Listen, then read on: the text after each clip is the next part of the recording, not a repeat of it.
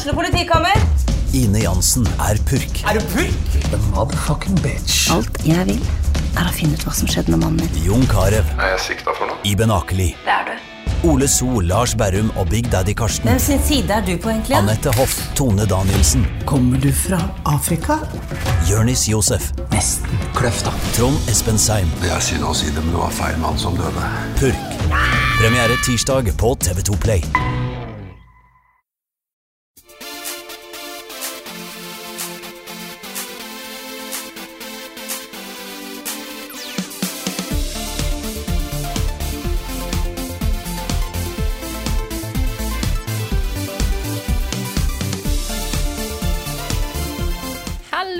Sammen, og velkommen til en ny og vanlig episode av eh, podkasten Level Backup med meg, Frida Danmo, og med meg har jeg selvfølgelig Karl Martin Hogsnes og Rune Fjell Olsen. Hallo, folkens.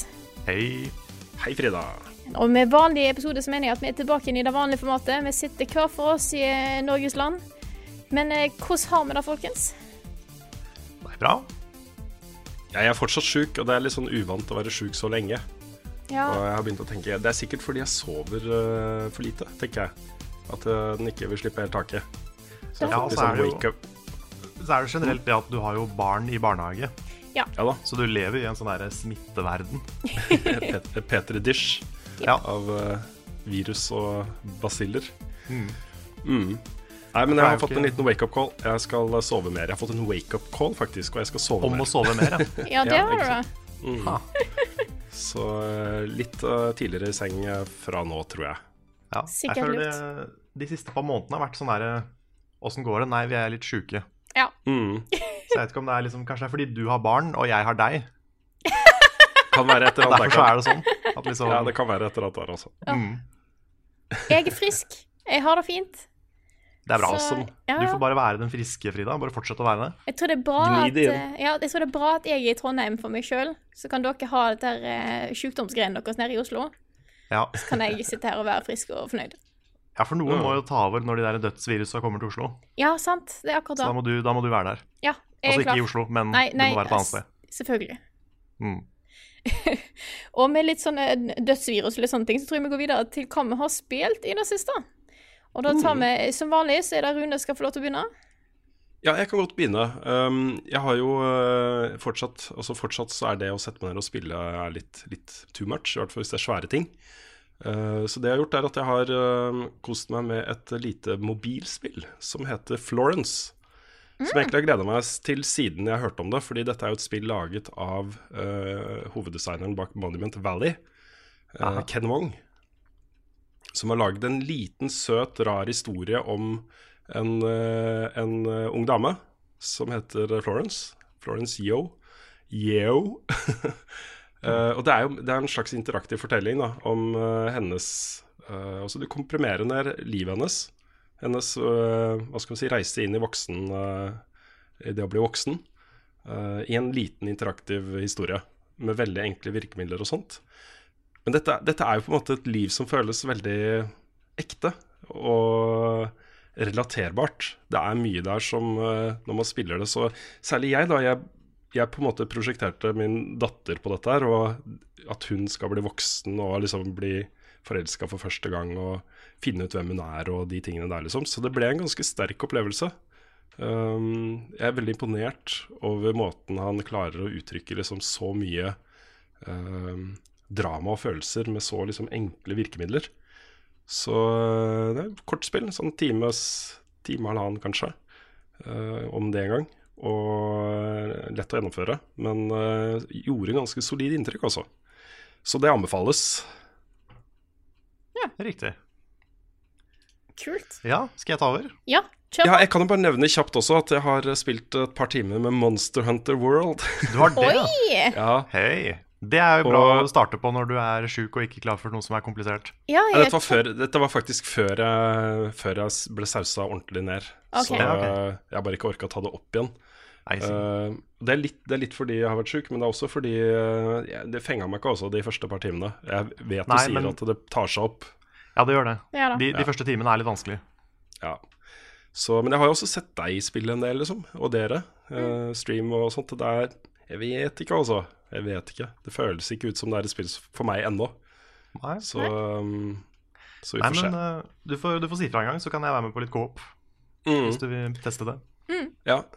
Jeg tror, jeg tror det som plager meg litt med spillet, er, uh, er uh, uh, combat-systemet. Jeg blir stående litt for mye og bare slå på ting uten å helt vite om jeg connecter med det, eller uh, Ja, Hva slags Eh, våpen bruker du? Nei, jeg har prøvd forskjellige. Jeg har prøvd både uh, Jeg starta vel med en, eh, en katakana. Uh, og så har jeg gått over til et, et eh, kortere sverd, som ligner litt okay. mer på sånn uh, saw cleaver fra Bloodborne. Mhm. Og så har jeg også prøvd tohånda våpen som du kjører, da. Så jeg, jeg har testa ut litt forskjellige ting. Ja. Eh, ja, jeg fordi tror at de kjappere våpnene er mer, mer for meg, tror jeg, enn de Ja. som man bruker litt tid. Ja, for det var det jeg også fant ut. At uh, hvis du står sånn som de der Great Sword-våpna, som er veldig mm. sånn Monster Hunter-ikoniske, uh, de er jo så treige. Ja. Så det er vanskelig å connecte med de slaga. Mm. Og så før, Så- vi, før vi får hele kommentarfeltet mot oss, sa du katakana, Rune? Eh, eh, ja. For det er en katana, for katakana er jo skriftspråket. Ja, vet du hva? Beklager, beklager. beklager, Ja. beklager. Jeg tenkte på det, men så tenkte jeg Ja, jeg også. Jeg bare- også jeg- heter I det øyeblikket jeg sa det, så er det Er, det, er dette riktig? Det høres jo ikke riktig ut. før, før kommentarfeltet kommentarer, så måtte jeg bare liksom si den. At uh, katakana er jo en, eh, en Ja, jeg skulle bare sjekke om dere fulgte med. Ja, det er bra. Ja, jeg bruker da sånn dual kanji-våpen. Ja, ikke sant? Ja. Ja, nei, men ehm, gjerne, eh, Det er kult hvis du prøver det litt til, altså. Så gjerne, jeg blir gjerne med på noe coop hvis du, hvis du er klar for det.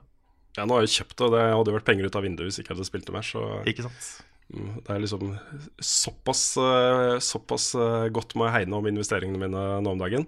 At hvis jeg bruker 500 kroner, eh, 600 kroner Mhm. på, på noe, så må jeg pinadø også bruke det. Så jeg kommer nok til å spille det mer. Ja. Jeg kan jo bare jeg kan jo guide deg gjennom ting, sånn som du har gjort med folk i Destiny. mm. For nå har jeg sånn der endgame character. Ja. Ja. Så jeg tror hvis du tar med meg på ting, så går det ganske fort. Mm. Det er en viss fare for det. Jeg vet ikke hvor mye jeg vil scale han ned. Men jeg tror ikke det er så mye. Nei. Jeg har ikke peiling. Så um, ja. Nei, men jeg, jeg er med, altså. Mm, ja, men jeg skal eh, ta deg, ta deg på ordet. Bra, bra. Ikke ta deg noen andre steder, si. Da, apropos, jeg spilte Metal Gear i natt, så der var det ting som ble tatt på. Kommer i neste episode av Film i tull. Oh, yeah. Ja, Ja. skal jeg, eh, skal jeg gå? Kjør på. Ok. Jeg har eh, jeg kan, jeg kan begynne med en veldig sånn kjapp ting. Som jeg skrøt av på streamen i går. eh, som jeg også vil skryte av her. Ja. Fordi jeg har nå fått min andre chicken dinner i solo i PubG. Oh shit. Gratulerer, Carl. Den føltes ikke like bra som den første. Både fordi det ikke var den første, og fordi eh, det var to igjen, og han disconnecta. Oh, ja. Ja. Så jeg, jeg, jeg tok fortsatt tredjeplassen. Han skøyt jeg. Ja. Men eh, han andre, da, han eh, bare disconnecta. Det er fortsatt en win, da. Fortsatt en win. Mm. Og det var, eh, det var ganske intenst in the moment. Ja. Jeg gjemte meg i en busk, som alltid. Busk-strategien er sterk hos deg. Busk-strategien, altså. Ja. Anbefales. Ukens anbefaling er busk i PubG. Du, er det ikke sånn i Fortnite uh, Fins ikke det sånn buskdrakt der du kan eh, ta på deg?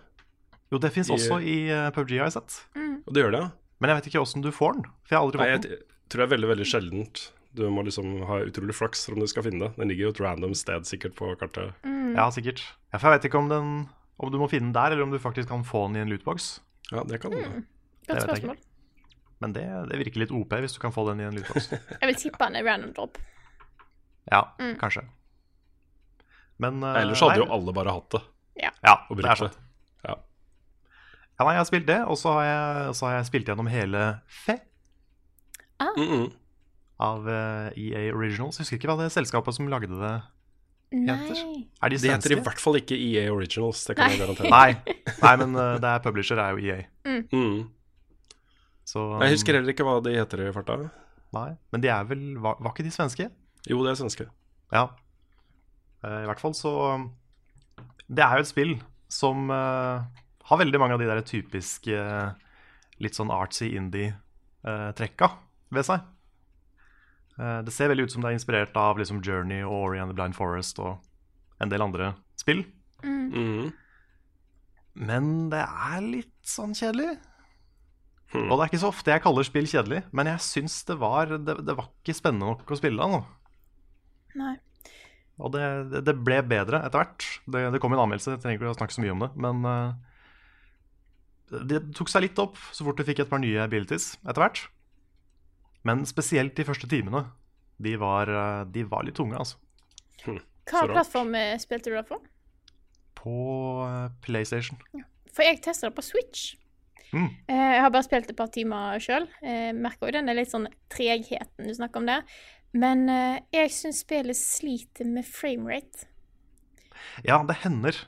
Eh, nå spiller jeg det på PS4 Pro, da, så det er sikkert ikke fullt så ille. Nei, fordi at det er ikke sånn at det er frame drops. Det er bare konstant lav framerate. Wow. Jeg merker det veldig tydelig, fordi at hvis jeg har lav framerate, så, blir, så er det en av de tingene som trigger min kvalme. Så jeg merker jeg blir litt sånn uggen. Men jeg merker hele tida at det var litt sånn Det var litt under det det pleier å være, rett og slett. Så det var ikke Ja. helt, eh, helt eh, optimalt. Det er jo veldig vakkert, selvfølgelig, men eh, jeg er ikke helt fornøyd på Switchen, altså. Nei, nei, men det jeg merka, var at kontrollsystemet og input lag var også en ting, følte jeg. Tenkte du på det? At du, liksom, du trykker på hopp, men han hopper ikke med en gang. Det tar, fort, det tar liksom noen frames før han faktisk gjør det. Jeg har ikke spilt lenge nok til å merke det, tror jeg. Nei, Nei. for det er sånne ting som alltid plager meg, i hvert fall i plattformspill. Mm. Uh, så det, føl det føles litt sånn tidlig PS2-plattform for meg. Og, og det er ikke så kult å spille nå, Nei. Kjenner jeg. En ting er liksom retro, men det er ikke alle tingene av de gamle spillene en trenger å ta fram igjen. Nei, Nei det, er, det er rart hvor eh, Man skulle liksom ikke tro at 3D-plattformspill var så vanskelig å naile, men eh, det er visst det. Hm. Så jeg sliter litt med, med kontrollsystemet der. Men jeg har jo kommet gjennom det, Ja. Uh, og det er utrolig pent. Det er, kan, det er et av de peneste indiespillene jeg har spilt. Eh, veldig sjarmerende stil på det, veldig koselig. Eh, det har noen scener og sånne setpieces som er veldig fine. Men igjen så er det litt sånn Jeg vet ikke helt hva de vil fortelle med det. Jeg vet ikke om de liksom har et budskap eller en historie eller et eller annet de brenner for, eller om det bare er sånn De har lyst til å lage et artsy indiespill. Mm. Så jeg, jeg sliter litt med å finne på en måte hjertet i spillet, sånn sett. da Ja. Jeg vet ikke helt hva det er. Men, eh, men det er jo veldig pent, veldig sjarmerende. Den figuren du styrer, er kjempesøt. Ja. Litt sånn rev-fennek-type figur. Um, så det er, mye, det er mye å like i det. Men jeg, jeg sliter litt med å liksom sette det så høyt som andre veldig pene, veldig store indie-ting. da Eller Mm. store spill generelt. Det er eh, feil å bare snakke om indie-spill. ja. Så, eh, sånn som Ori Zoink heter det. Zoink. heter det. Zoink. Riktig. Nei, for det, det er veldig tydelig inspirert av Ori, virker det Ja. som. Uh, men det har jo ikke i nærheten av det level-designet som Ori har. Uh, som også er 2D, da. Men uh, Nei, det, det nådde ikke helt opp for meg, altså. Og det, Løp og jeg hadde, hadde gleda meg til det, men det var, det var ikke helt der oppe. Ja, Det er ikke, ikke et dårlig spill, men Nei, men jeg hadde sett fram til da. Men det klarte ikke helt å Helt å fenge meg. nei. Det er litt synd. Hadde du noe mer på lista da? Jeg har, jeg har liksom spilt Metal Gear, men det, det har vi en egen spalte for. Ja. Så jeg kan, jeg kan gi meg der. Da tar jeg over eh, og snakker om heller om et spill som har fenga meg noe så helt inn i granskauen. Og det er Celeste. Jeg blir mer og mer glad i det jo mer jeg får spilt det. Jeg driver og jobber meg gjennom alle disse eh, ekstralevelsene som er der. Jeg er snart ferdig med alle, tror jeg. Jeg har et par igjen. Så jeg har tatt alle levels som er å ta i det spillet der. Nice. Nice. Fordi at jeg har lyst til å komme Jeg har lyst til å bli ferdig med det. Komme meg gjennom alt før jeg eh, gir ferdig anmeldelsen. Uh, men da Altså, når vi snakker om Når vi snakker om litt forskjellige ting her, vi snakker om kjedelig level design, da er ikke dette her. Vi snakker om, eh, om spill Altså, jeg kom på det, sånn spill som ikke helt er noe for Rune. Ja, jeg kan skjønne litt at dette her ikke helt er Helt eh, traff eh, sånn sett, da, for det er veldig, veldig, veldig, veldig pinpoint. Eh, tålmodighetskrevende greier utover mot slutten. Men det, for meg så er det perfekt. Mm. Jeg, jeg har satt på, jeg, jeg satt på ett level som bare ett område, et område. Jeg skal hoppe opp for noen klosser og noe greier i to timer. Eh, og bare var med sånn Jeg kommer så inn i en sånn der sone. Det var sånn Nå er det kun meg, den pikselerte karakteren, den blokka der som skal opp. Det, det er alt som finnes i verden. Mm. Så eh, Ja, greia mi med sånne spill er egentlig litt den at um, For dette er et spill som er lagd for, uh, for prøving og feiling. mm, Altså, det er ikke meningen at du skal bli dritgod i det spillet her og bare fise gjennom brettene. Du skal prøve deg fram og uh, dø mange ganger. Det er liksom designet på spillet. Jeg liker spill som er vanskelig, men som du kan bli god i. Og du kan liksom bli såpass god at du uh, klarer å komme deg gjennom. Nå snakker jeg ikke nødvendigvis om den uh, bredt inndelte veldig sånn Her har du et, et rom med de og de fellene, og så skal du gjennom det rommet, og så er du ferdig med det brettet. Jeg tenker mer på liksom en kanskje litt større verden uh, og større brett. da. Det er litt mer eh, min gate, tror jeg, enn eh, det å liksom stå og stange på på én blokk i to timer. Altså, tingene der er Det er en del av levelser som er litt sånn at du på en måte Du må prøve deg litt fram. Du ser ikke helt slutten, så du vet ikke hva som skjer. Eh, hvis du har reaksjonsevnen som ikke jeg har, så klarer du å få det til. Men en, noen av de er litt stilige, for da har du Du får et eh, brett som er ganske langt, så får du en sånn derre eh, Du kan en sånn kick, eller et eller annet. Du kan se hele brettet, da. Og det er veldig interessant å bare planlegge. OK, jeg skal hoppe der, dashe bort der, ta tak i veggen, hoppe ned igjen, og så liksom planlegge hele ruta, og så få det til. Det er gøy. Så det, du har et par sånne ting at du på en måte du kan gameplay såpass godt at du kan ta et sånt brett bare ved å se og planlegge. Mm. Jeg likte også veldig godt at eh, det hadde hemmelige områder Mm. og alternative ruter og, og sånne ting. Det syns jeg var godt, uh, godt gjennomtenkt, altså. Absolutt. Men har du, har du samme forhold til Super Meat Boy, Rune? Ja, jeg har aldri vært i nærheten av å fullføre Super Meat Eh, men akkurat som med Celeste, så ser jeg jo at dette her er bra, liksom. Jeg, jeg skjønner Mm. Ja, for det er, det er jo nesten det samme spillet, sånn sett. Ikke sant. Jeg forstår, jeg forstår hvorfor folk elsker det, og har veldig respekt for det og sansen for det sånn sett. Som en observ bare observere det. Men mm. det er det å spille det, det blir for frustrerende for meg, altså. Jeg kan se den. Eh, det kommer veldig mye rare, mye rare ord og lyder fra meg da jeg spiller dette her, eh, spillet, spillet her. Enda mer enn jeg, enn da jeg spilte Cuphead.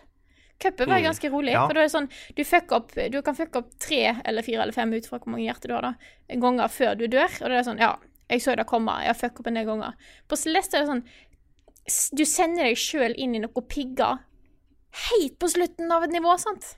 Og da er det dau. Må ta på nytt igjen. Og da sitter jeg og er det sånn Da kommer det lyder, og så eh, begynner jeg på nytt. Og så da kom det et par rare blikk fra, eh, fra sidemannen, som lurer litt på hva det er jeg holder på med. Eh, svarte er et veldig fint ord. Det har blitt brukt mye. Mm. Så det er heldigvis ikke det er sånn, det er sånn passe. Det, det går an å si, liksom. Ja. Uten at noen blir sure på deg. Det hender det hver en dag, men det er Ja, det er også lov. Ja. Men um, Nei, det er en sånn annen type rage. Fordi som du sier med Cuphead, så Du må på en måte fucke opp flere ganger for at det skal feile. Mm. Så da ser du det litt komme. Mens i Celeste er det bare sånn OK, det går bra, det går bra. Nei. Hadde, eh, jeg hadde et langt level eh, her en dag der jeg Det er ordentlig lange brett, liksom. Du kan ikke fucke opp. Du har ingen plasser du kan stoppe, spesielt på disse eh, ekstranivåene, er B-side levelsa. Der er det veldig mye sånn du, ikke, du kan ikke stoppe opp.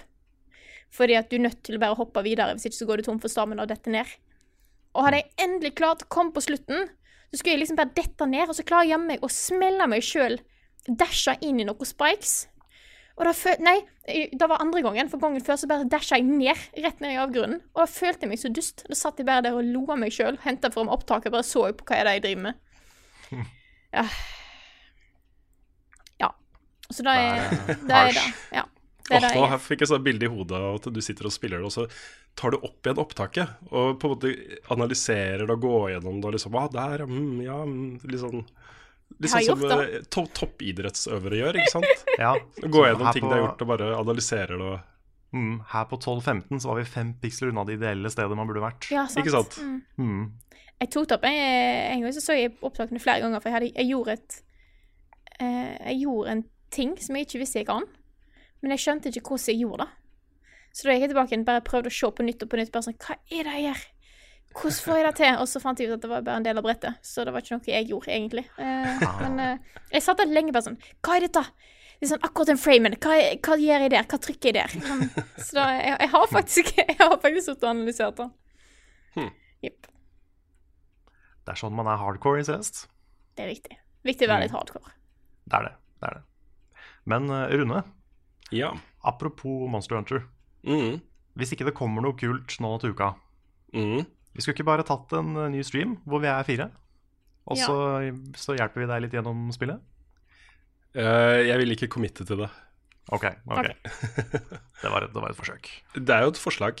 Det Ja. er et, et forslag. Det er ett Et forslag. forslag. Et mulig forslag. Et mulig forslag. Så vi får se. Ja. Som vanlig så kjører vi på med ukens anbefaling, og i denne uka her så er det Carl som skal anbefale noe. Det er det. Eh, jeg har tenkt en del på hva jeg skulle anbefale. Um, har liksom ikke sett så mye nye TV-serier i det siste. Uh, ikke vært så mye på kino og sett på film. Uh, har ikke så mye spennende å anbefale, men jeg kom på en ting jeg kan anbefale. Fordi okay. jeg er ikke så veldig mye ute. uh, sånn på, type på byen. Uh, men vi hadde et toårsjubileum på Tilt. Vi kjenner jo litt de folka som jobber der. I hvert fall du, Rune, kjenner jo mange av de. Og eh, jeg har liksom Hvis det er ett sted i Oslo som jeg føler at det er, det er ganske ålreit å være ute, så er det på Tilt. Det er liksom Det er akkurat passe volum på musikk og sånne ting. Det går an å sitte her og prate. Det er behagelig å være der. Så min anbefaling er rett og slett Tilt. Hvis du, hvis du er litt sånn som meg, som ikke er så mye ute på byen, eh, ikke helt eh, finner Finner roen på sånne ja, typiske utesteder, så er det liksom Det er litt nerdy, litt sånn eh, litt avslappa. Hyggelig. Det Det er er, ikke et sånn, sted hvor det går an å sitte det er ikke, det er ikke sånn bråkete diskotek. Nei, det er ikke så, sånn diskotek. Ja. Mm. Det, det er det ikke. Så det er, det er avslappa. Veldig, veldig deilig å være der. Vi var jo der for å rigge ned eh, utstyret dagen etter showet. Da hadde jeg Mm. med ungene, for de har jo vært sjuke begge to, de også. Um, og jeg angrer sånn på at jeg ikke tok det bildet, fordi um, vi hadde jo et par uh, sånne poljetter uh, til overs. Uh, så jeg tok dem med ned da, i Arkaden, og det var jo ikke noe folk der. Og begge ville spille outrun. Og da står de ikke sant, med de små hendene sine og strekker seg opp for å styre ikke sant, foran det arkadebrettet med outrun. Og det bildet er så, det er så nydelig! Ikke sant? De der, de, står de med liksom foten på pedalen og styrer den der bilen, ikke sant? Det er kjempekoselig. Eh, Jeg tenkte, men da var det liksom sånn OK, jeg får bare ta et mentalt bilde da, ha det, i- ha det i hukommelsen, liksom. Fordi eh, dette er bare sånn der stolt pappaøyeblikk, altså. Ja, ja. Jeg ser den. Jeg må bare, må bare si at jeg, hadde, jeg har hatt tanker om å anbefale Tilt før, så det er ikke bare fordi vi fikk, fikk lov å bruke Tilt gratis. Det er Ikke en del av dealen, liksom. Ja. Det er ikke en del av dealen. Nei. Det er bare sånn eh, det, det utestedet i Oslo som jeg føler meg mest hjemme, Mm. det er Tilt. Selv om, Hvis, du er litt sånn, hvis du er litt sånn nerd, så er det et bra sted, altså. selv om de ikke har strawberry daiquiri. Selv om de ikke har strawberry daiquiri. Så da, da drar jeg på Fridays for å finne det, for der har de veldig god strawberry daiquiri. Men det var et veldig veldig hyggelig toårsjubileum. Jeg, jeg tenker tilbake på det selv om jeg var jo Jeg husker jo ikke så mye. Jeg var jo utrolig sjuk mens vi var der. Ja, Eh, du, du tenkte ikke på hvor mye alkohol du konsumerte den kvelden? Nei. Jeg, ingenting. jeg turte ikke engang å lukte på alkohol, ja, fordi da kunne det gått skikkelig gærent. Mm. Um, men, uh, men det jeg husker fra, fra det, er liksom først og fremst stemningen i, uh, i rommet. Uh, og hvordan For det var jo bare Patrion-mackere der, pluss venn, noen venner av Patrion-mackere. Og uh, jeg snakka jo med en god del mennesker gjennom kvelden og etterpå og sånt. Og det inntrykket jeg fikk, da var at det var mange av de som fant hverandre. Ikke sant? Som hadde Ja. med hverandre på chatten og i, diskutert på Facebook og sånne ting. Eh, som hilste på hverandre for første gang og fikk sagt, satt et ansikt til et nikk. ikke sant? Og sånn var det for oss også. Det å på en Ja. måte eh, henge med de folkene vi henger med når vi gjør ting ellers også. Eh, og ikke minst da folk som, eh, som er en direkte årsak til at vi kunne være der på Tilt etter to år og gjøre det showet vårt. ikke sant? Absolutt. Det ble en ganske spesiell og veldig fin opplevelse. altså. Ja, jeg er helt enig.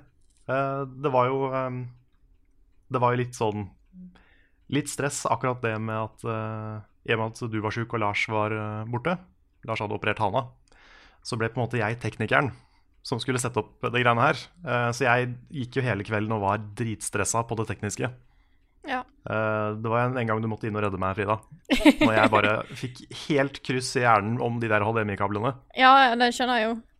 Så det var veldig bra at du tok ansvar der. For da hadde jeg bare Da klarte jeg ikke mer. Nei, jeg merka at det var litt sånn eh, det, det var litt usikker på hvor, hva kabel som var hva, og hvor ting skulle, og hva var det egentlig vi skulle vise, og hva var det egentlig vi skulle spille, og alt dette. Ja, ikke sant. Fordi Ja. vi måtte drive og bytte mellom det, det burde ikke være så komplisert å bytte mellom PC og konsoll. Men når du har en sånn HDMI-switch som skal inn i en prosjektor, og så inn i en skjerm, og så inn i vår skjerm, og så skal den inn i der hvor det står ut, fordi den skal ut til et sånt kort vi har i PC-en, Ja. som gjør at vi får tatt opp spill. Og det er så mye greier. Eh, Så det handler ikke bare om å putte inn inn og ut ut og sånne ting. Det er mye verre enn det. Ja. Eh, Så jeg var dritstressa på det. Eh, Jeg tenkte mye på det mens vi var der. Men eh, sånn etterpå så, så var det lettere å se tilbake på det der at det liksom, oi.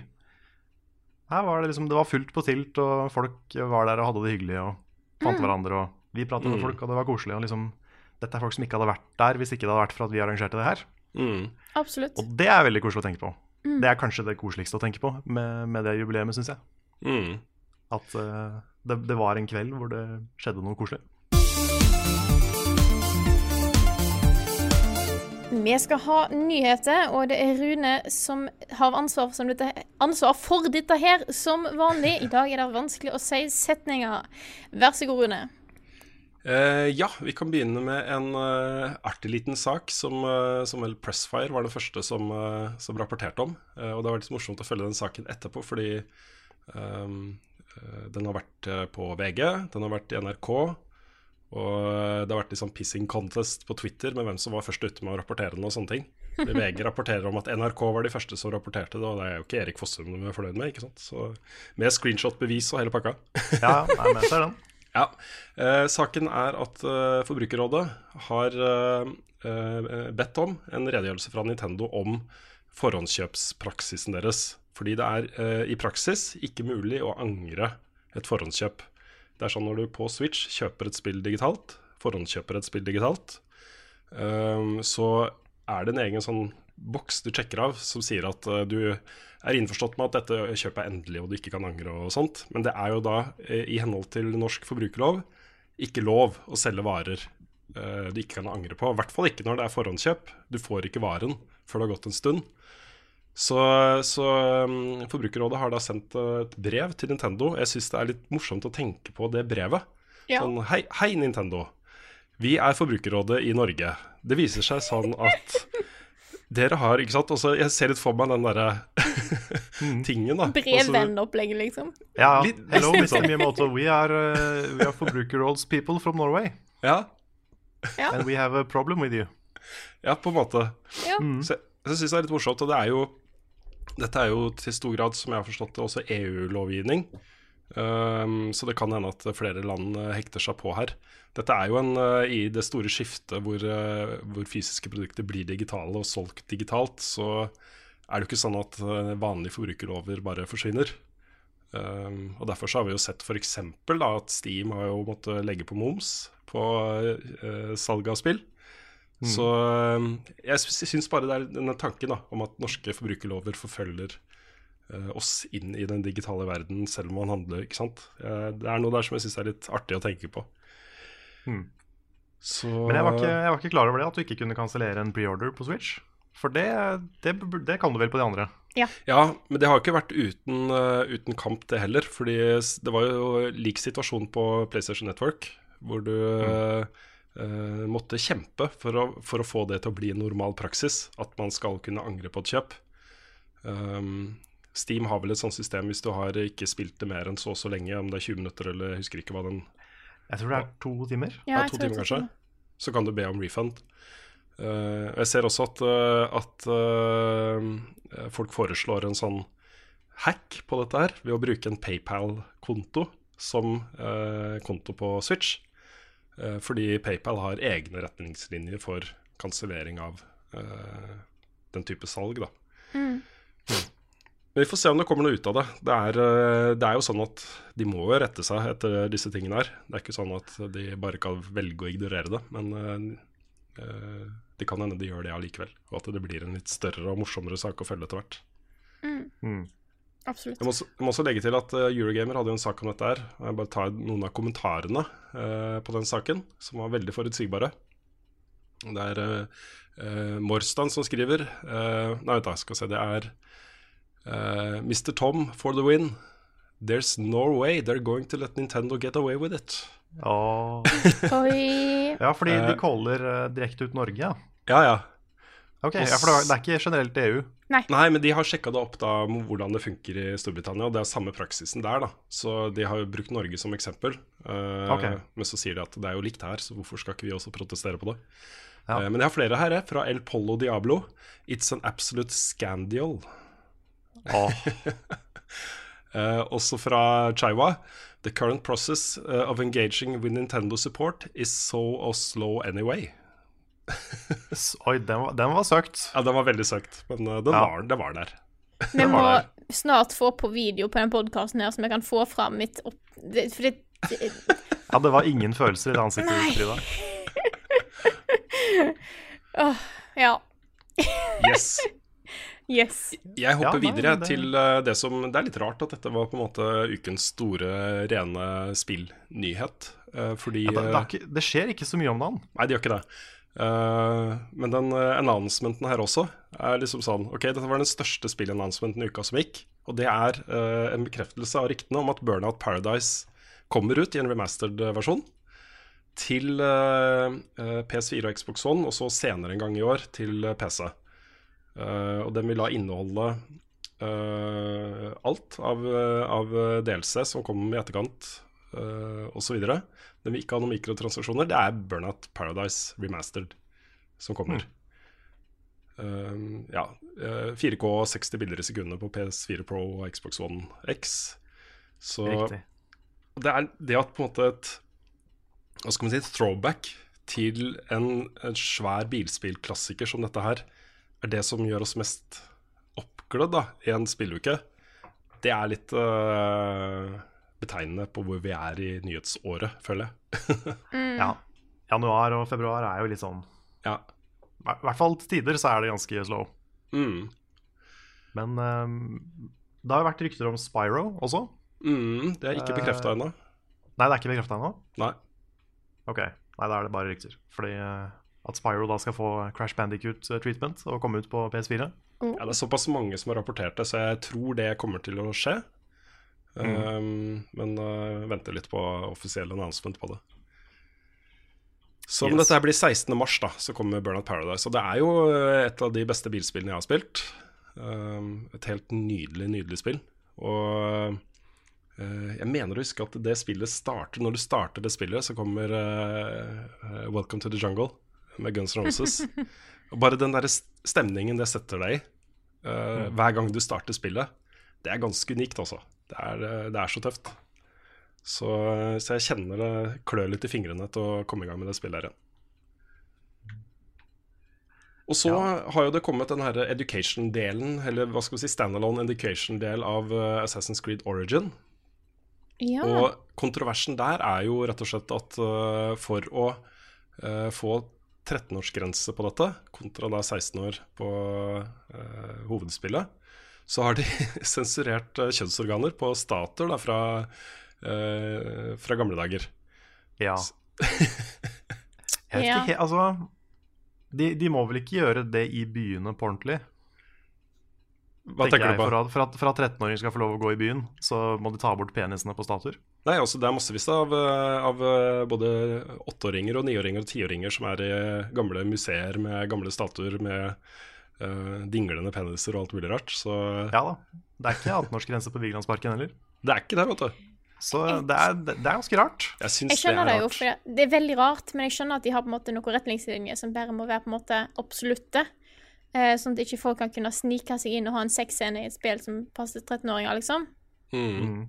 Eh, veldig, altså grafiske scener, da, men eh, De i en burde ha sånn gjort type, i en Ja. sånn type liksom educational greie, Ja. så syns jeg det er feil, altså. Ja, for jeg, jeg tenker sånn. Det er jo én setning om hvorfor. Ja. Ja. Så burde det gå an å se mellom linjene på akkurat det. At Ja. det faktisk eh, representerer en by som den ser ut. Mm. Nei, her burde de, de burde gjort et unntak for, eh, for undervisningsspill. Dette er jo bare et undervisningsspill. Det er ment å bruke på skoler uh, som undervisning. Og that's it, liksom. Og Ja. kanskje til og med nesten et enda større problem er at de også har tatt seg noen hva skal man si, politisk korrekte friheter med hva slags samfunn de viser fram da, fra uh, antikken. Hvor uh, et av de eksemplene som blir vist, er at det er ikke kjønnsdelte klasser, f.eks. Uh, som det da var på den tiden. Eh, Og forklaringen er at det er gjort for å uh, hva skal man si, lage en inkluderende opplevelse. Da, som De har ikke vurdert de sidene som viktige nok til å være liksom, historisk korrekte. og satt det opp mot måte, hva slags undervisningsopplevelser blir for de som spiller dette spillet. Og tatt en vurdering ut fra det, da, som Jeg vet ikke, jeg, jeg blir ikke opprørt over det, men jeg, jeg tenker at, at det er liksom det, Man må ikke gjøre det. Da kan man heller bruke det som en anledning til å eh, faktisk fortelle hvordan samfunnet var på den tiden. Da, og bruke det som et utgangspunkt for diskusjon, ikke sant. Hvis Ja. du først skal ha et spill som skal ha undervisningspurposes, og så velger fordi at en putter på liksom vår 21st century political correcthet på dette her, for at det skal se bedre ut, så Mm. blir det jo ikke et historisk korrekt og, og undervisningsbasert spill lenger.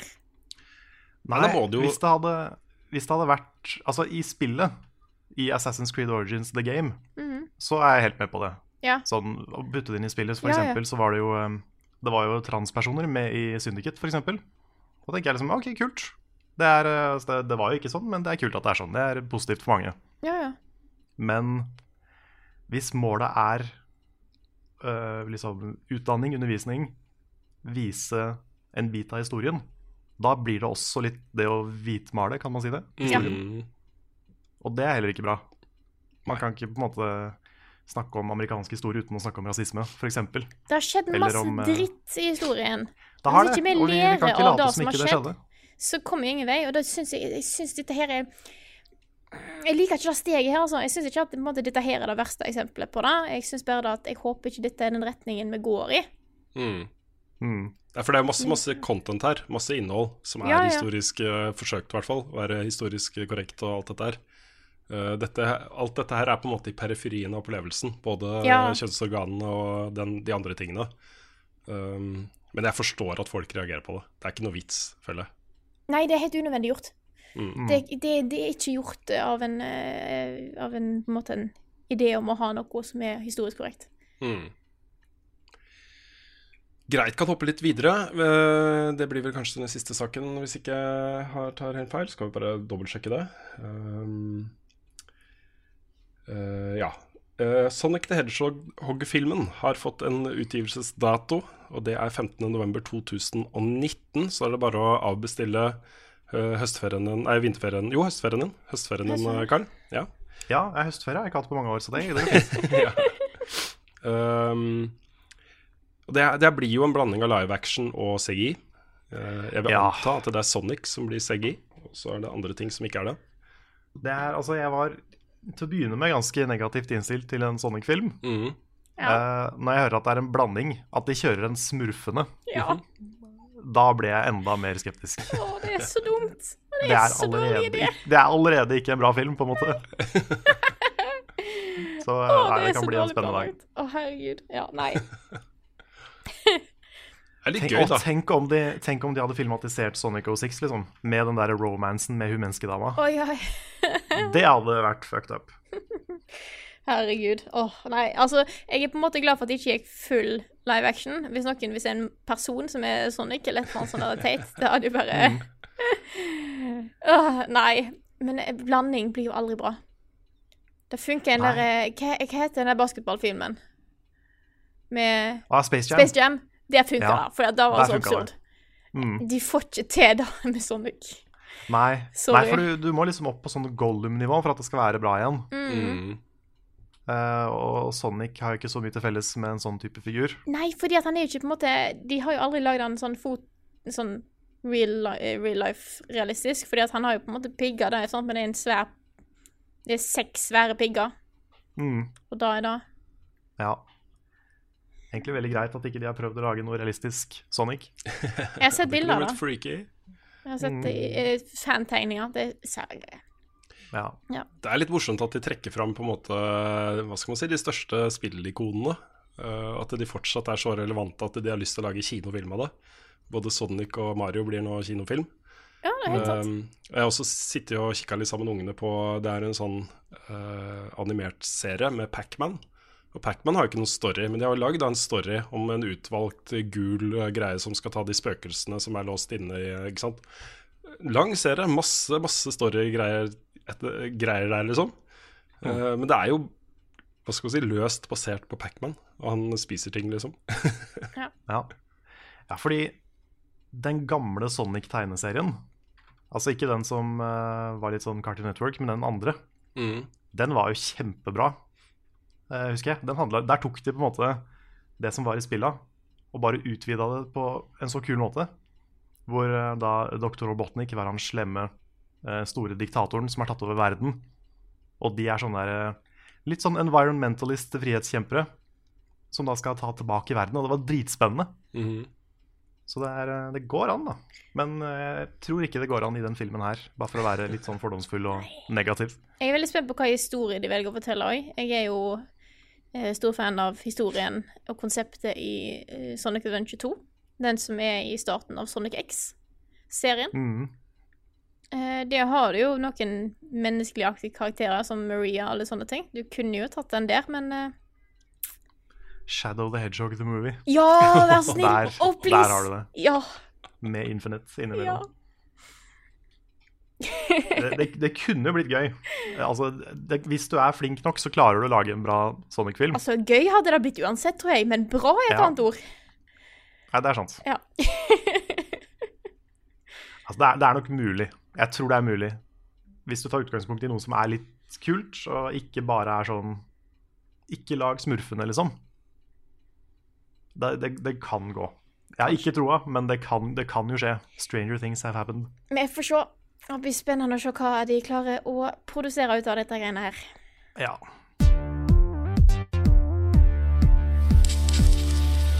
Vi har jo dessverre ikke med oss Bjørn til å lage vignetter i dag, men vi har jo heldigvis fått laga vår egen Ukens spørsmål-vignett, som vi kjører Ukens spørsmål. Uke, uke, uke, ukens, uke, uke, ukens spørsmål.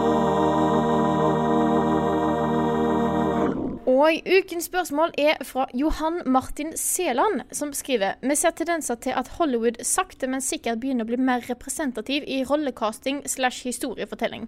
Føler dere at tilsvarende skifte finner sted i spillmediet? Ja, utgangspunktet for spørsmålet her er jo suksessen til eh, Black Panther, mm. som uh, uh, som nå er en av de mest suksessrike superheltfilmene ever, åpningshelgen. Og også kanskje Wonder Woman, som, uh, som viste at uh, her kan vi ha en kvinnelig uh, hovedrolle superhelt, og det blir kickass, og folk vil se det. Mm. og begge de to tingene har jo, tror jeg, da, hatt ganske stor betydning for hva vi kommer til å se i årene fremover. At ok, bare man lager noe som er bra og inkluderende, og som kanskje tar utgangspunkt i en annen type typecasting enn det man er vant til. For man tenker jo at liksom, folk er bare opptatt av å se sånn og sånn, så da er det det vi gir dem. Uh, og når man tør å gå utenfor det og lage noe annet, og det blir omfavna av kanskje nye seere samtidig som det når gamle seere og alt det der, så er det en veldig bra ting. Da kan man plutselig begynne å lage ting som, uh, som er mindre sånn målgruppefokuserte, og som er mer basert på at OK, dette er på en måte den sammensetningen av rollefigurer som passer bra til dette prosjektet. Her trenger vi ikke å tenke på liksom sånn og sånn. Og Det er en positiv ting, å frigjøre seg litt fra de tankene om at folk bare er interessert i å se 33 år gamle gruffe menn med, uh, med sånn tredagers uh, skjegg ja, som skal redde verden, liksom. Mm. Ikke sant? Det er jo en kjempepositiv ting. Mm. Absolutt. Jeg, jeg, føler jo det har blitt bedre i spill. Um, mye på grunn av sånn type Horizon, et spill som Life is Strange har kommet med fram. Mm. Um, så fortsatt ikke liksom nå har vi klart det, nå er vi ferdig, nå trenger vi ikke å tenke noe mer på det i det hele tatt. Ikke der, men, men jeg syns det har blitt bedre med åra. Mm. Grunnen til at det ikke er så, eh, hva skal man si, um, inclusive i spill, tenker jeg er at uh, spillerne er litt mer homogene fortsatt enn en kinogjenger. Alle ser på kino. Uh, det fins filmer for alle, og det fins jo også spill for alle. Men uh, det, er, det, er, mye hvite unge menn også som spiller dataspill. Ja, Ja, det er det. det, er fortsatt, eh, det er nok fortsatt en majoritet av det. Ja, ikke sant. Eh, Men den også minker jo. Ja da, og det det det handler om her, er jo akkurat det samme som på kino, eh, med en film som Black Panther, som da plutselig får massevis av folk til å gå på kino som kanskje ikke ville gått på kino likevel, og som føler at her er det noe for meg. Og så her er det noe som er lagd for meg. Endelig kan jeg liksom identifis identifisere meg med disse rollefigurene på et helt annet nivå enn jeg har kunnet før, ikke sant? Eh, og jeg ser at uh, det er særlig et par av de rollefigurene i eh, Black Panther som har truffet veldig hardt. da. Jeg husker ikke hva han skurken heter i farta, men han har liksom truffet en ordentlig tone da, uh, hos folk. med de dialogen sin og de, motivasjonen hans og de tingene der. Og det er, det er jo en kjempefin ting. Det er jo med på å utvide filmmediet. Akkurat som det vil være med på å utvide spillmediet. Hvis folk tar litt mer sjanser og eh, lager en litt bredere uh, palett da, for hva de har lyst til å uh, presentere av forskjellige typer rollefigurer. Nå snakker jeg ikke bare om kjønn og hudfarge. Det handler om bakgrunner og utseende og yrkesbakgrunner og alle disse tingene. da. Eh, alder. Ja, Og så ja for det, det har noe å si, altså. Det er lett å tenke liksom Jeg tror For mange så er det veldig lett å tenke at det ikke er så farlig. Jeg skjønner ikke hvorfor det er viktig. Men jeg har, jeg har sett en del sånne derre Litt sånn, litt, litt sånn tårevåte representation-historier, eh, kan man kanskje kalle det. Men liksom Altså små jenter som har vært og sett Star Wars, eksempel. Eh, den type historier. Eller noen som har sett en superhelt som er nærmere dem enn noe annet de har sett før. Mm, Og sånn historier om hvor glad de blir, og hva det betyr for dem. Gjerne også de som er litt unge. mm. Og jeg begynner nesten å grine av noen av de historiene. For det er så koselig, og det er så fint, liksom. At uh, selvfølgelig så skal du ha det her. Du må jo få det. Ja, Den beste historien der er jo han faren som uh, gikk inn og hacka et uh, Zelda-spill. Det var Ja. sikkert eh, Link to the Past, vil jeg tro. Jeg tror det var det første. Det første, det kan ha vært det første, ja. Mm. Uh, og gjorde om da Link til en jente, fordi det var dattera hans som skulle spille det. Han ville gjerne at hun skulle ha en, en jente, da. eh, Styre en jente istedenfor en gutt. Eh, utrolig flott. Eh, Ja, jeg ja. syns det er litt koselig. Det, og det er derfor også det er litt viktig da, at, eh, Mm. at det ikke bare er én type mennesker som blir representert. Mm. Men du nevnte Horizon. Jeg har lyst til å trekke fram Horizon som et litt dårlig eksempel på, på dette her. Ja, fordi um, der er det jo sånn veldig åpenbart at her har de dytta inn så mange forskjellige uh, hudfarger og uh, kulturer og bakgrunner som overhodet mulig uh, i forskjellige settinger. Hvor uh, du møter liksom stammer hvor uh, det er liksom noen fra Asia, noen fra noen svarte, noen Ikke sant? Veldig sånn bevisst. Det føles veldig bevisst. Så det jeg håper, er at vi heller skal komme til et sted hvor de bare gjør det som føles naturlig, på en måte. Um, Horizon, også tenk, tenk Her har verden gått under. Folk samler seg i stammer. Hva tror du folk gjør da? Da samler du deg med de som ligner deg selv. Sånn er, sånn er vi mennesker. Og du går til hvilken som helst by, så har du Koreatown og Chinatown og uh, Little Armenia og, og så, Sånn er vi mennesker. Det hadde vært mye mer troverdig da hvis, hvis uh, det hadde vært tilfellet her også, føler jeg, da. Eh, og så kan man heller være inkluderende på annet vis, da. At fordi det er jo ikke sånn i Los Angeles eksempel, at uh, de fra Koreatown bare holder seg med de fra Koreatown og er mistroisk til alle andre. Kommer man til Koreatown og går inn på en eh, koreansk restaurant, så blir man nok godt tatt imot, liksom. Det er ikke noe uh, ekskluderende i det hele tatt. Uh, så det, det føler jeg da blir litt sånn påtvunget in inkludering. Ja, jeg, jeg ser den. Samtidig så tenker jeg litt det at fram til vi har kommet dit at det er litt mer vanlig å se det, så kan det hende vi trenger et litt sånn push. Jeg vet ikke. Men jeg er litt todelt mellom de to standpunktene. At kanskje, ja, kanskje noen ganger så kan det bli litt sånn krampaktig, men at det likevel er en positiv ting, da. Mm. Jeg vet ikke. Jeg, jeg, har, jeg har mer sansen for Sånn som i Destiny 2, så er det jo um, uh, en av NPC-ene, han, som, eh, han som holder til på eh, EDZ, og du går og får oppdrag fra og kjøper eh, gear fra og sånt, han er jo homofil. Og Det er, jo, blir ikke gjort noe issue av det i det hele tatt. Det kommer fram i en sånn dialog.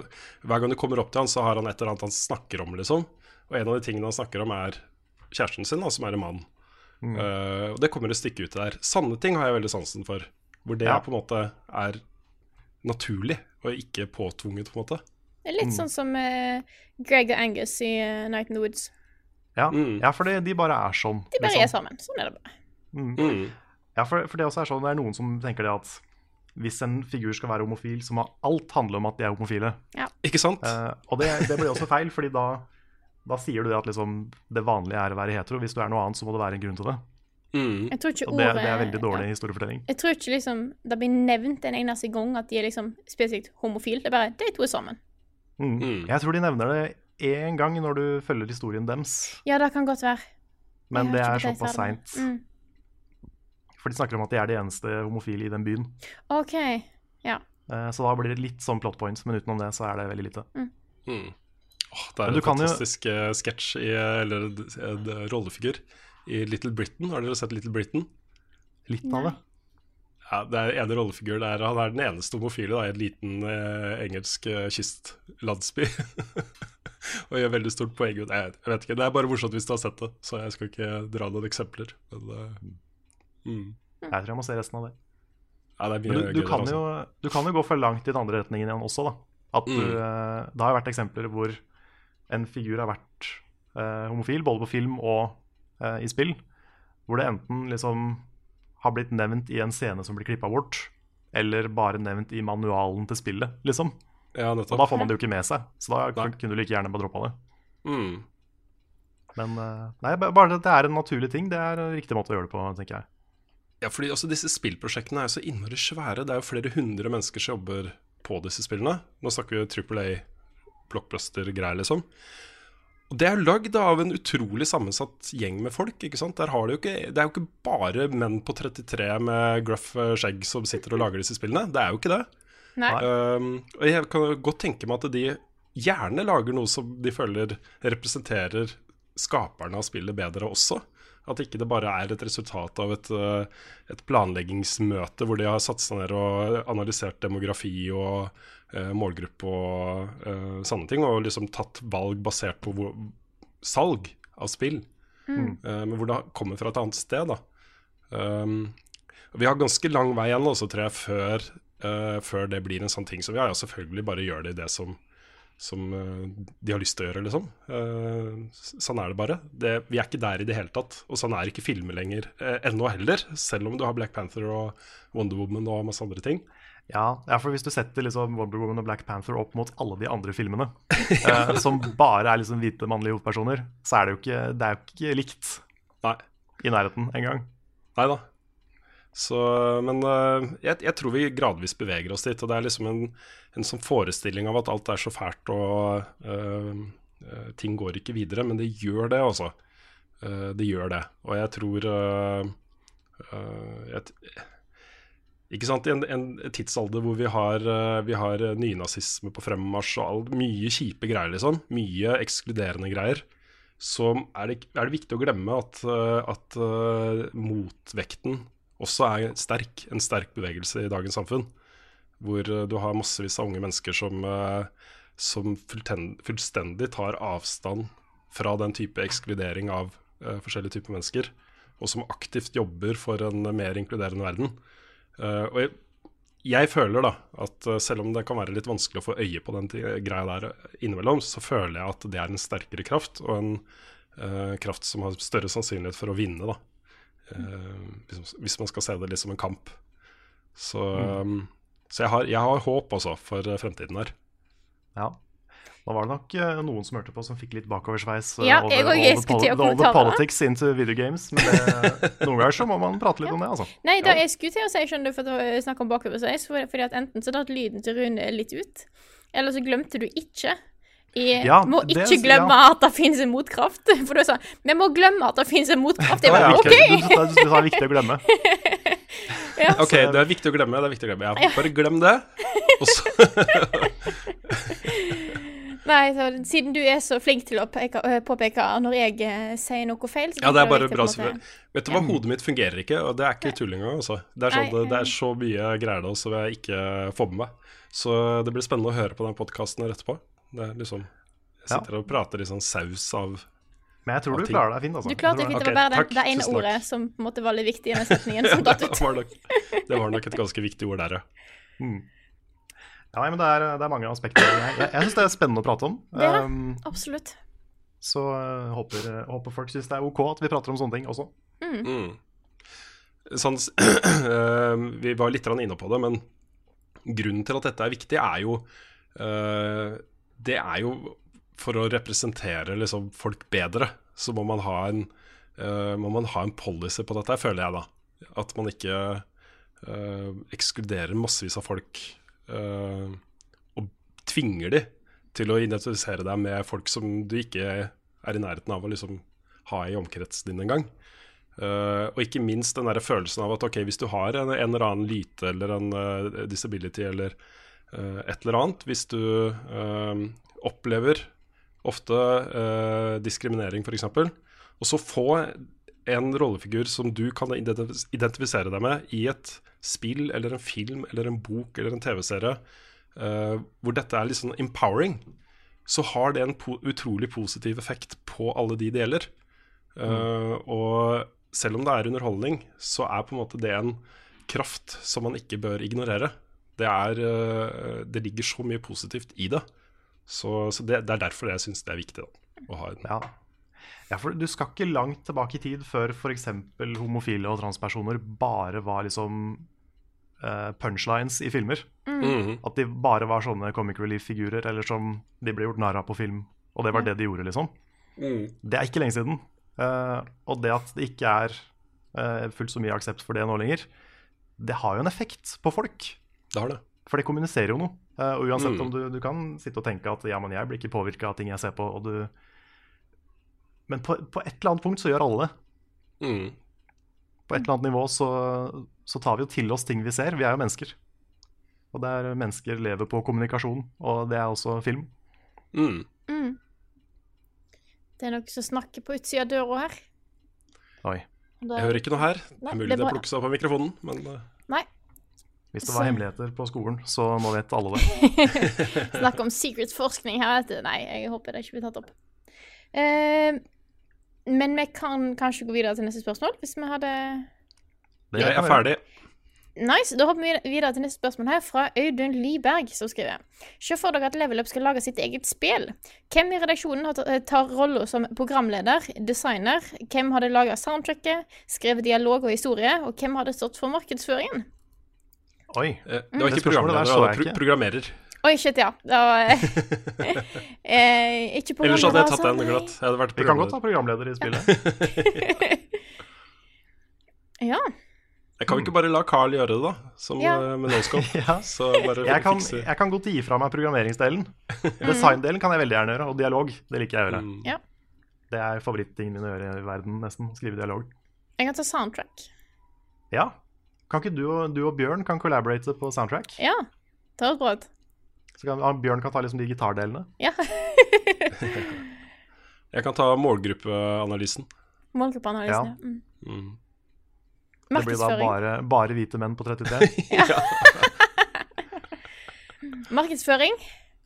Hva skal, vi kan Ja. si at Lars skal få lov til å pushe ideen til alle PT-kundene sine.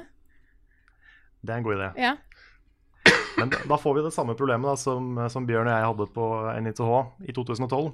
Vi må ha en programmerer, Ah, shit, ja. og ingen av oss er gode på det. Du har jo faktisk lagd et spill da, Carl. Så Ja. jeg føler at du Ja, ikke du kan men snike var- deg unna Nei, men det var RPG Maker, så det var ikke noe programmering i det. Ah. Det er sånn du, du bruker liksom et program som allerede har programmert for deg, til å lage det du vil. mm. Jeg Sånn at du- eh, ja, kan ett programmeringsspråk, men det går kun på eh, Altså, jeg tror ikke du kan lage et spill i, i språket Matlab, for det er kun på en måte mat matriseregningsbasert.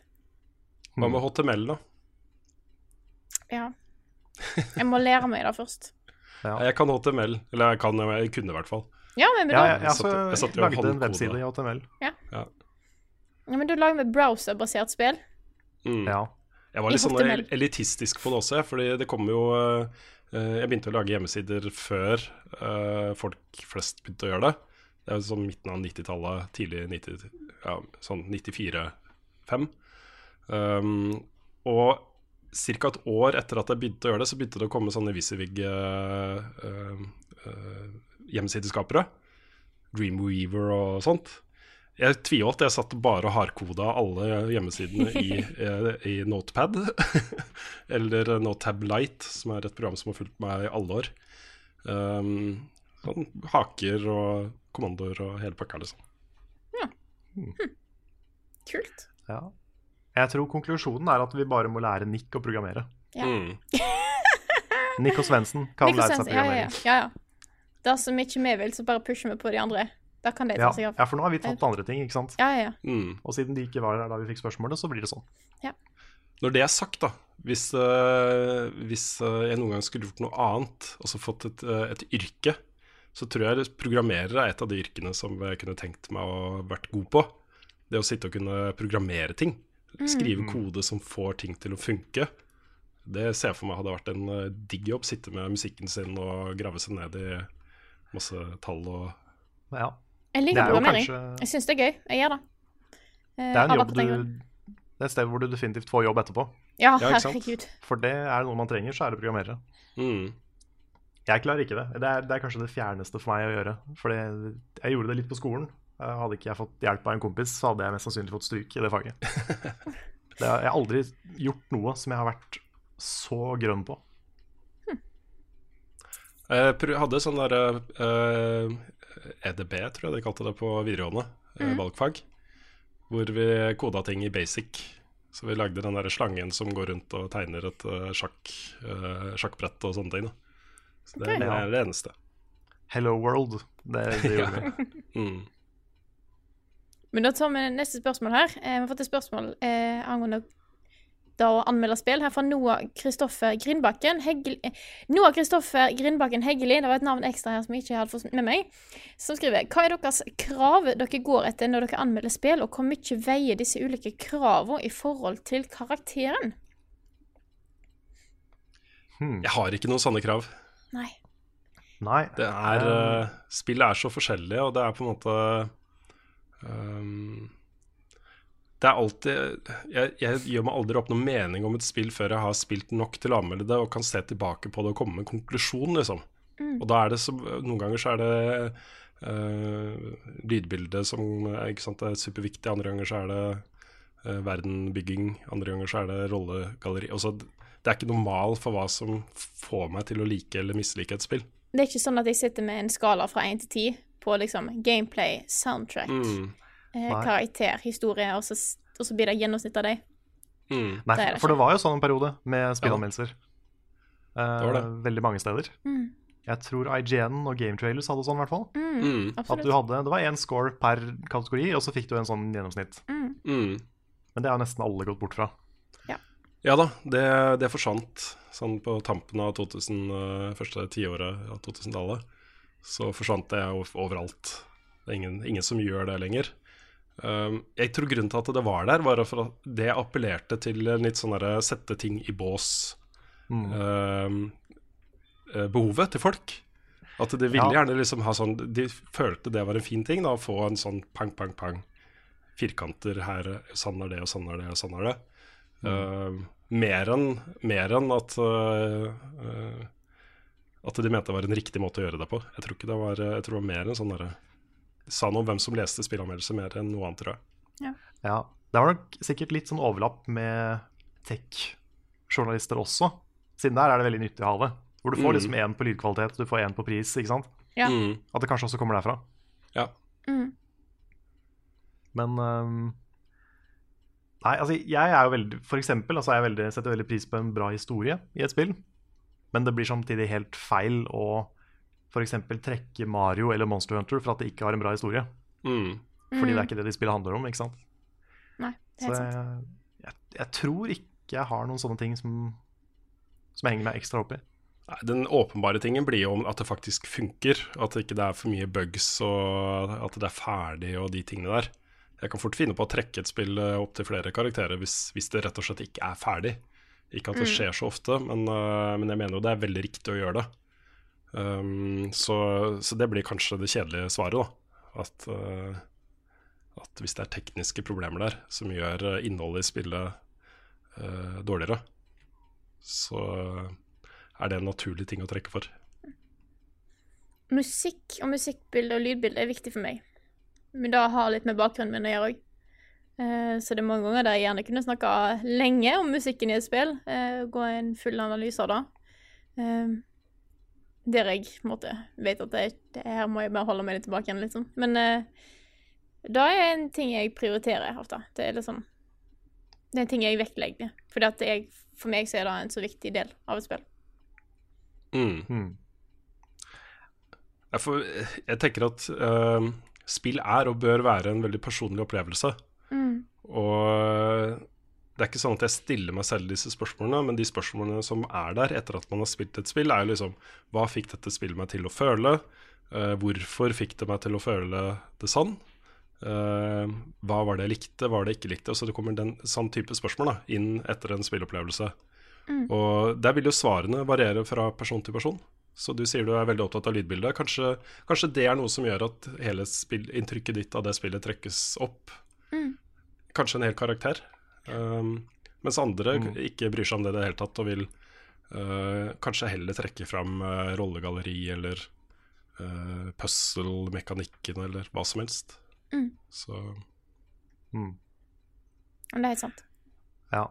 Det er for eksempel eh, tematikken i Undertale som gjør at det er uh, kanskje mitt favorittspill.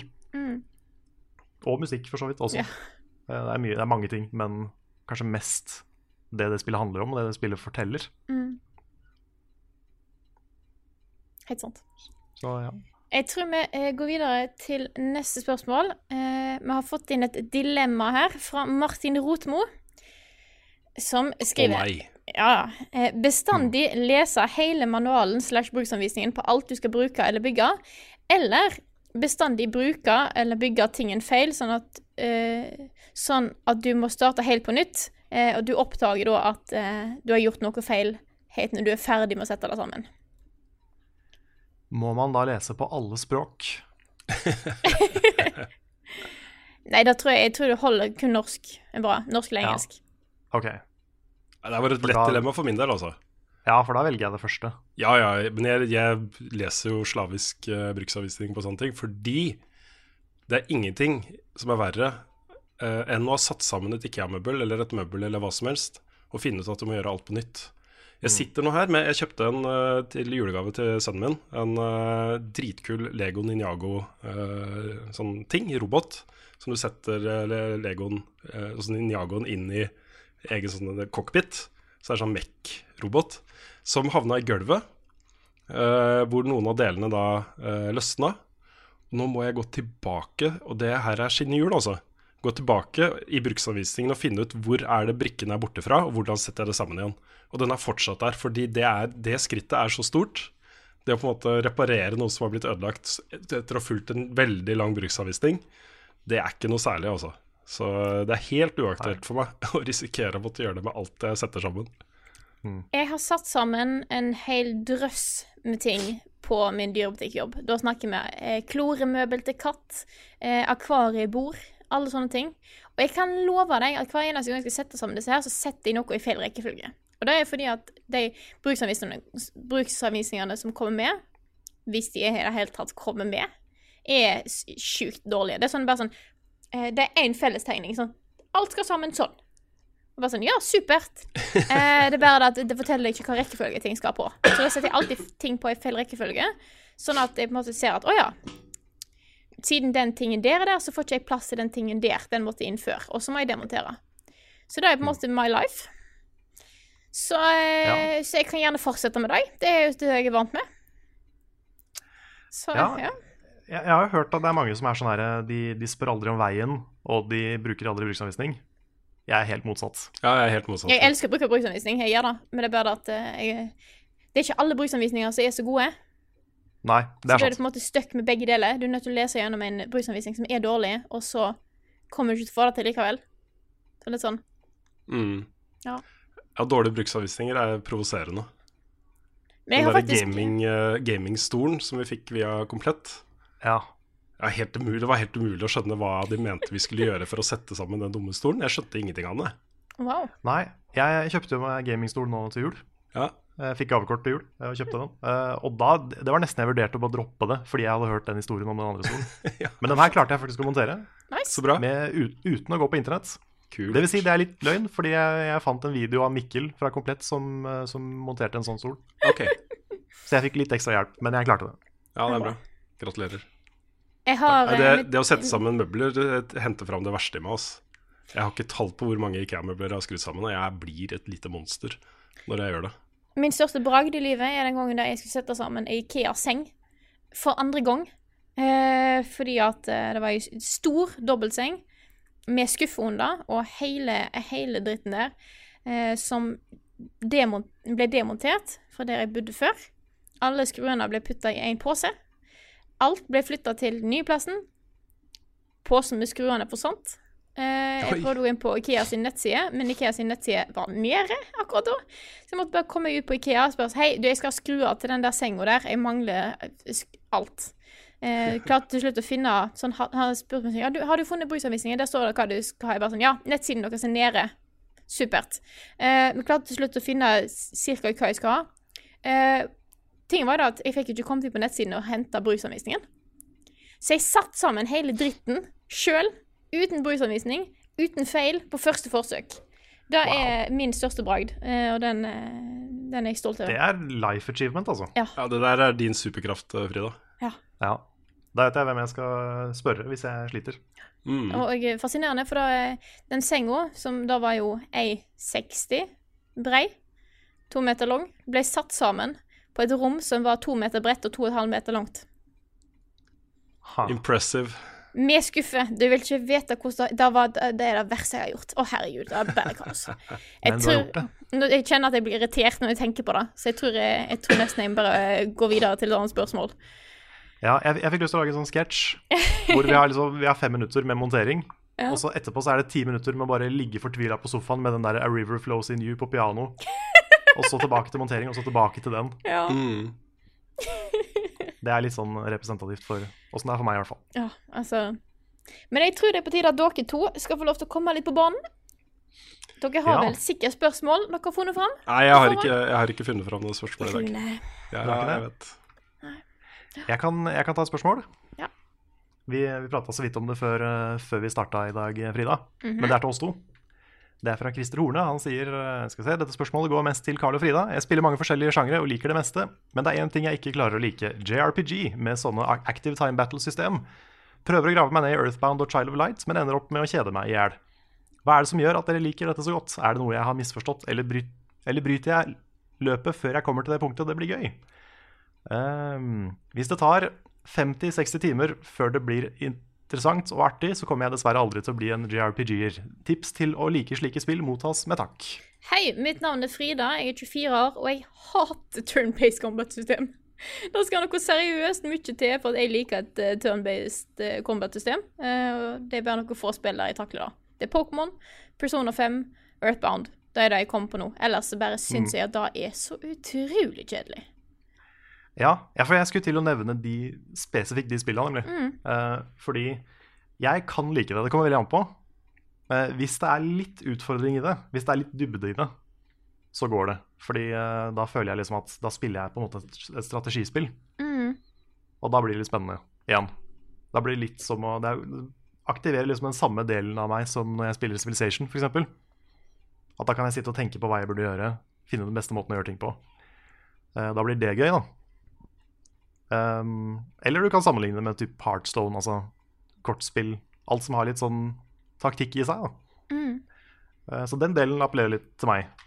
Um, men hvis du vil prøve å komme litt inn i den sjangeren, så ville jeg jo sagt Pokémon eller Persona 5. Ting som er litt sånn light, Ja. som er turbasert uh, og har alle de JRPG-tinga i seg, men som ikke er så mye. Ikke er så tungt. Du kommer fort inn i det etter en times tid. Persona tar jo litt tid, men det basic-tinga, det kommer du fort inn i. Mm. Um, Tenk meg, så har jo Undertale òg turn-based combat-system. Det er det. Ja. Det er også litt sånn bullet hell på sida. Ja. Så det blir på en måte noe annet igjen, føler jeg. Mm, det er sant. Men eh, nei, jeg vet ikke. Det, Det er vanskelig å si. Det er sånn eh, En finner sine preferanser, og min er ikke turn-based combat. Men Persona 5 er et veldig godt alternativ. Det er litt sånn Jeg skjønner at det er, en, det er et steg å ta, da. Hvis du er litt usikker på sjangeren fra før av, og så er det da 120 timer Mm. å begi seg ut på. Men uh, det er en av de få der jeg faktisk syns at combat-systemet er veldig underholdende. Mm. Det som også er litt vanskelig, er at mange av de, eh, mange av de ordentlig gode turn-based spillene er jo ganske gamle. Ja. Så da er det både en terskel å sette seg inn i et gammelt spill, og det å sette seg inn i et nytt kampsystem. Så jeg ville jo sagt f.eks. Krono Trigger. Um, kunne vært et bra sted å starte. Um, men det er, det er en terskel. For noen så er den terskelen bare å sette seg ned og prøve det. Eh, det høres ut som uh, at han har gjort det. Men det er mange som ser på det og tenker at dette her ser dritkjedelig ut, og så prøver de det, og så er det gøy. Um, og så er det noen som det tar litt tid for. Og jeg husker ikke hvor lang tid det tok for meg. Men det var en dag så bare plutselig på Oi, det her er faktisk dritgøy. Spill num- ekstra spill. Paper Mario. Paper Mario er veldig bra. Faktisk, veldig bra for det har du ikke eh, bare eh, ikke, de, ikke de nye nødvendigvis, jo da òg. Bare ikke det Sticker Star, egentlig. Uh, Mm. Der har du turn-based kampsystem, som òg har quicktime events. Ja, på en måte. Ja, på en måte. Det, det, det er mer Mm. timingbasert, da. Timingbasert ja. turn-based kampsystem. Så du faktisk må gjøre noe mer, da. For det er det jeg ofte syns mangler i turn-based combat-system, at du bare sitter og trykker. Skjer ikke Mm. noe. Ja, ja hvis, du, hvis du kan spille gjennom hele spillet ved bare mashe attack, Ja. liksom, det er kjedelig. Ja. Det syns jeg også er kjedelig. Sånn at eh, for eksempel eh, Paper Mario er faktisk et veldig godt uh, alternativ, for der gir du litt mer enn bare velge tack eller defend eller ja, sånne Mm. ting. Du faktisk må Hvis- gjøre ting i Du må blokke angrep aktivt, på en måte. Mm. Hvis du har en SNES Mini, eh, sjekk ut Super Mario RPG. Det også er sånn veldig veldig bra entry level eh, JRPG-spill. Som har mye, veldig mye bra i seg. Så nei, jeg ville bare begynt med noe litt basic. Um, prøvd å sette deg skikkelig inn i det, hva alle angrep gjør. Uh, når det er lurt å bruke det kontra noe annet. For da får du en sånn derre litt sånn strategisk glede av det, i hvert fall for jeg, da. Men uh, det skal jo sies da at uh, veldig mange av de spillene jeg liker best i den sjangeren, liker jeg mest pga. historie, musikk, uh, setting, alle de tinga der, mer enn kanskje kampsystemet. Mm. Det er ikke kampene jeg husker best fra Final Fantasy 9, liksom. Det er alt det andre. Så det har hendt at jeg på en måte bare har akseptert et kampsystem for å få med meg resten av et bra spill. Ja. Så jeg, jeg kan si mye, men eh, jeg vet ikke, kanskje jeg blir med der. Vi kan gi oss der. Eh, Rune hadde ikke spørsmål, så da tar jeg et til.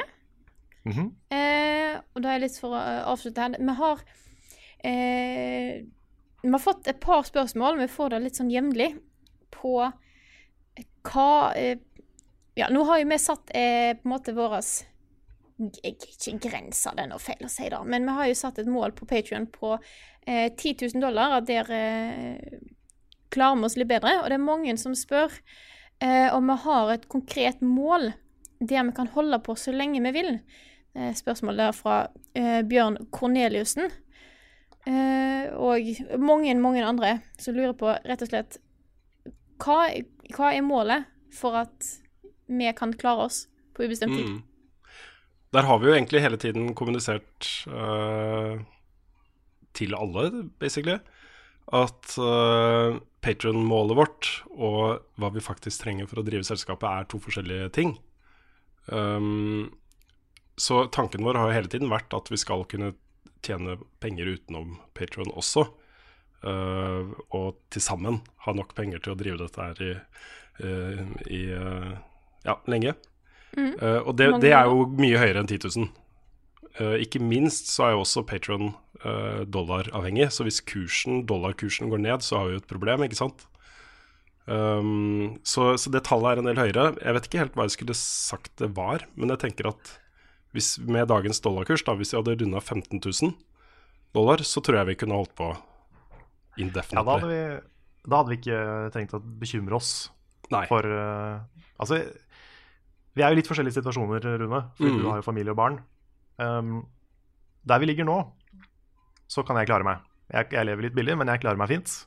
Og det er en eh, Ja, med min økonomi eh, så er det på en måte Så, så kan jeg være happy med det. Mm. Um, håper jo veldig at vi får en sponsor, bare så vi har litt mer å rutte med. Så vi kan investere Mm. litt mer i ting. Vi kan betale alle andre mer. Eh, For eh, Frida, dere fortjener veldig mye mer enn dere får. Um, Ja, for problemet her er jo uh, altså grunnen, uh, grunnen til at vi virkelig også Dels mer inntekter, altså lønn, dels selvfølgelig det. Men det at vi ikke har noe penger å rutte med til andre ting i det hele tatt, hindrer jo litt sånn videre utvikling av det vi holder på med. Det hadde, vært så, det hadde gjort så mye for driften av vårt selskap hvis vi hadde hatt et ordentlig kontor som var innreda som et studio med riktig utstyr, hvor vi kunne sette oss ned og produsere ting. Um, det har, vi er ikke i nærheten av å ha råd til å kunne gjøre det uh, sånn som det er i dag. Så bare en sann ting hadde hjulpet oss videre ikke sant? til å lage bedre innhold og mer innhold og uh, bli bedre, rett og slett. Så, og der, der, der snakker vi sånn sted mellom 15 og 20 000 dollar. Uh, Ja, fordi 20 000, det var VG-budsjettet vårt, basically. Ja. Uh, Det var med oss på fulltid, og mye bedre betalt til alle andre. mm, Uh, Lars var vel på sånn fem, Var det 50% eller var det mindre? Det var nok mindre enn det. Men det, Ja. var, det var greit betalt. Det var det. Han kunne Ja, det, han kunne leve billig på det, på en måte. Mm. Så um, vi, vi, vi kunne gjøre en del med det budsjettet. Eh, og så er det ting som Noscope, da, som var veldig sånn lystbasert for veldig mange av de som var med. Eh, det var ikke, var ikke mye noen fikk betalt egentlig for det prosjektet. Det var bare Jeg spurte veldig pent om de ville være med, og de sa ja. Um, så til fremtidige sånne ting så har det vært veldig greit å kunne betale mer til de som sier ja til å være med. Mm. er bare en sånn ting som har muligheten til å til en større produksjon eh, hyre inn en fotograf og en lydmann, f.eks. Så, så mye lettere det hadde blitt for oss, og så mye lettere det hadde blitt for oss å faktisk gjøre det. Hvis vi visste Ja. at vi hadde proffe folk til å håndtere de tingene, og vi kunne bare konsentrere oss om å lage, være foran kamera og regissere og de tingene der. Så, så det å lage innhold på, på skolissebudsjett sånn som vi gjør, da, det, er, det har jo sin skjerm, og det er jo på en måte en del av de vi er også. Uh, vi kan jo fortsatt lage bra innhold, men uh, det, hadde vært, det hadde vært så deilig om vi hadde hatt muligheten til å ta et skritt videre. Eh, Vi har så mange Senest i går liksom, så var vi og snakka sammen, du og jeg, Carl, og vi har jo på en måte hver vår kjempeidé som Ja. vi har lyst til å gjøre. ikke sant? Det, er drit, det hadde vært så kult å bare fått gjort det, ikke sant? Mm. Um, Ja. Til nye ting, da, som vi ikke har gjort før. Mm. Ja, fordi vi, vi ser jo etter muligheter til å gjøre nye ting, utvikle oss. Uh, vi har jo vært Vi har gjort det. Det er ikke sånn at vi bare har gjort gamle ting i to år, men vi har jo masse ideer som vi har lyst til å bringe til live. Um, når alt det er sagt, da, uh, også bare legge til at jeg håper jo de pengene kommer inn via en sponsor eller et eller annet sånt. Ja. Fordi eh, jeg er ikke så komfortabel med å pushe Patrion for mye bestandig. Fordi eh, det vi har der, er allerede så utrolig bra Mm. og så hyggelig og så Ja, litt sånn utrolig at det faktisk eh, at, folk er villige til det. Så Og den oppgangen vi har hatt siden februar, nei, februar, eh, siden november, Ja, herregud. har jo også vært helt amazing og har utrolig mye å si. Ja, helt Det- vanvittig mye å si. Det har, det har så mye å si. Vi var bekymra før jul, og det, jeg sov i hvert fall mye bedre om nettene nå enn jeg gjorde da. Så eh, det betyr ting. Og eh, jeg håper også at vi skal liksom slippe å være 100 avhengig av Patreon Jeg håper det kommer inn noe mer. For det er da Og- det handler om akkurat nå, at vi, har, vi er på et veldig bra punkt på Patreon. Det er bare at det er den ekstradelen med sponsor som kan sette i gang TV-avtalen, eller en utstyrssponsor, eller sånne ting. Det er det som mangler, da. Mm. Ja. Jeg, ville vil jo gjerne ha så mange som mulig på Patron og slippe å Ja, stresse med de tingene. For det, det som hadde vært tilfellet, er ikke skal Nei, men, det, men det, det som eh, er litt viktig for oss, det er jo at vi ønsker jo ikke at de som backer oss på Patron skal gi mer. Det er på en måte det snittbeløpet der er egentlig litt for høyt, føler jeg.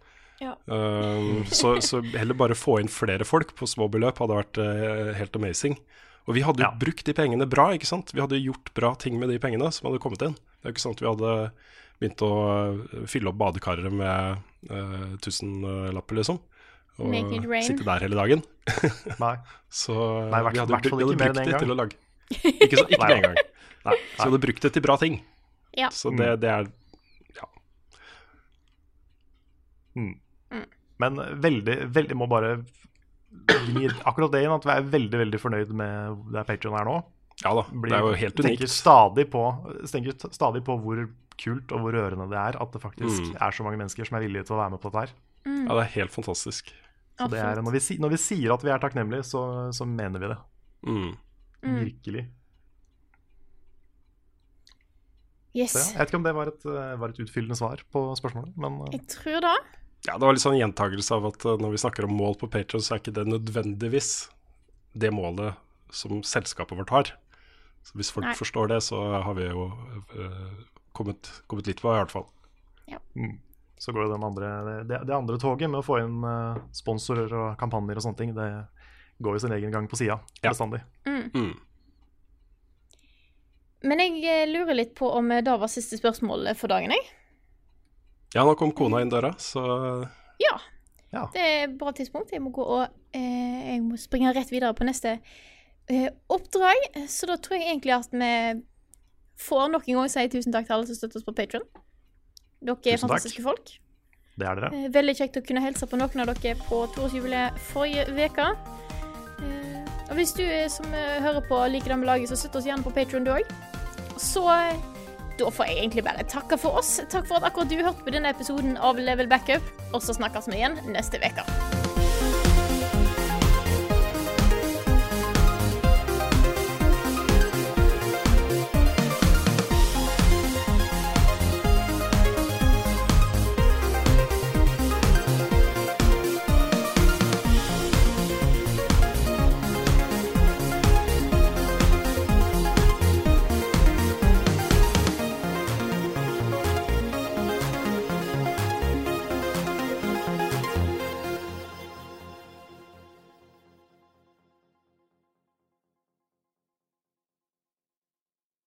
Har du et enkeltpersonforetak eller en liten bedrift?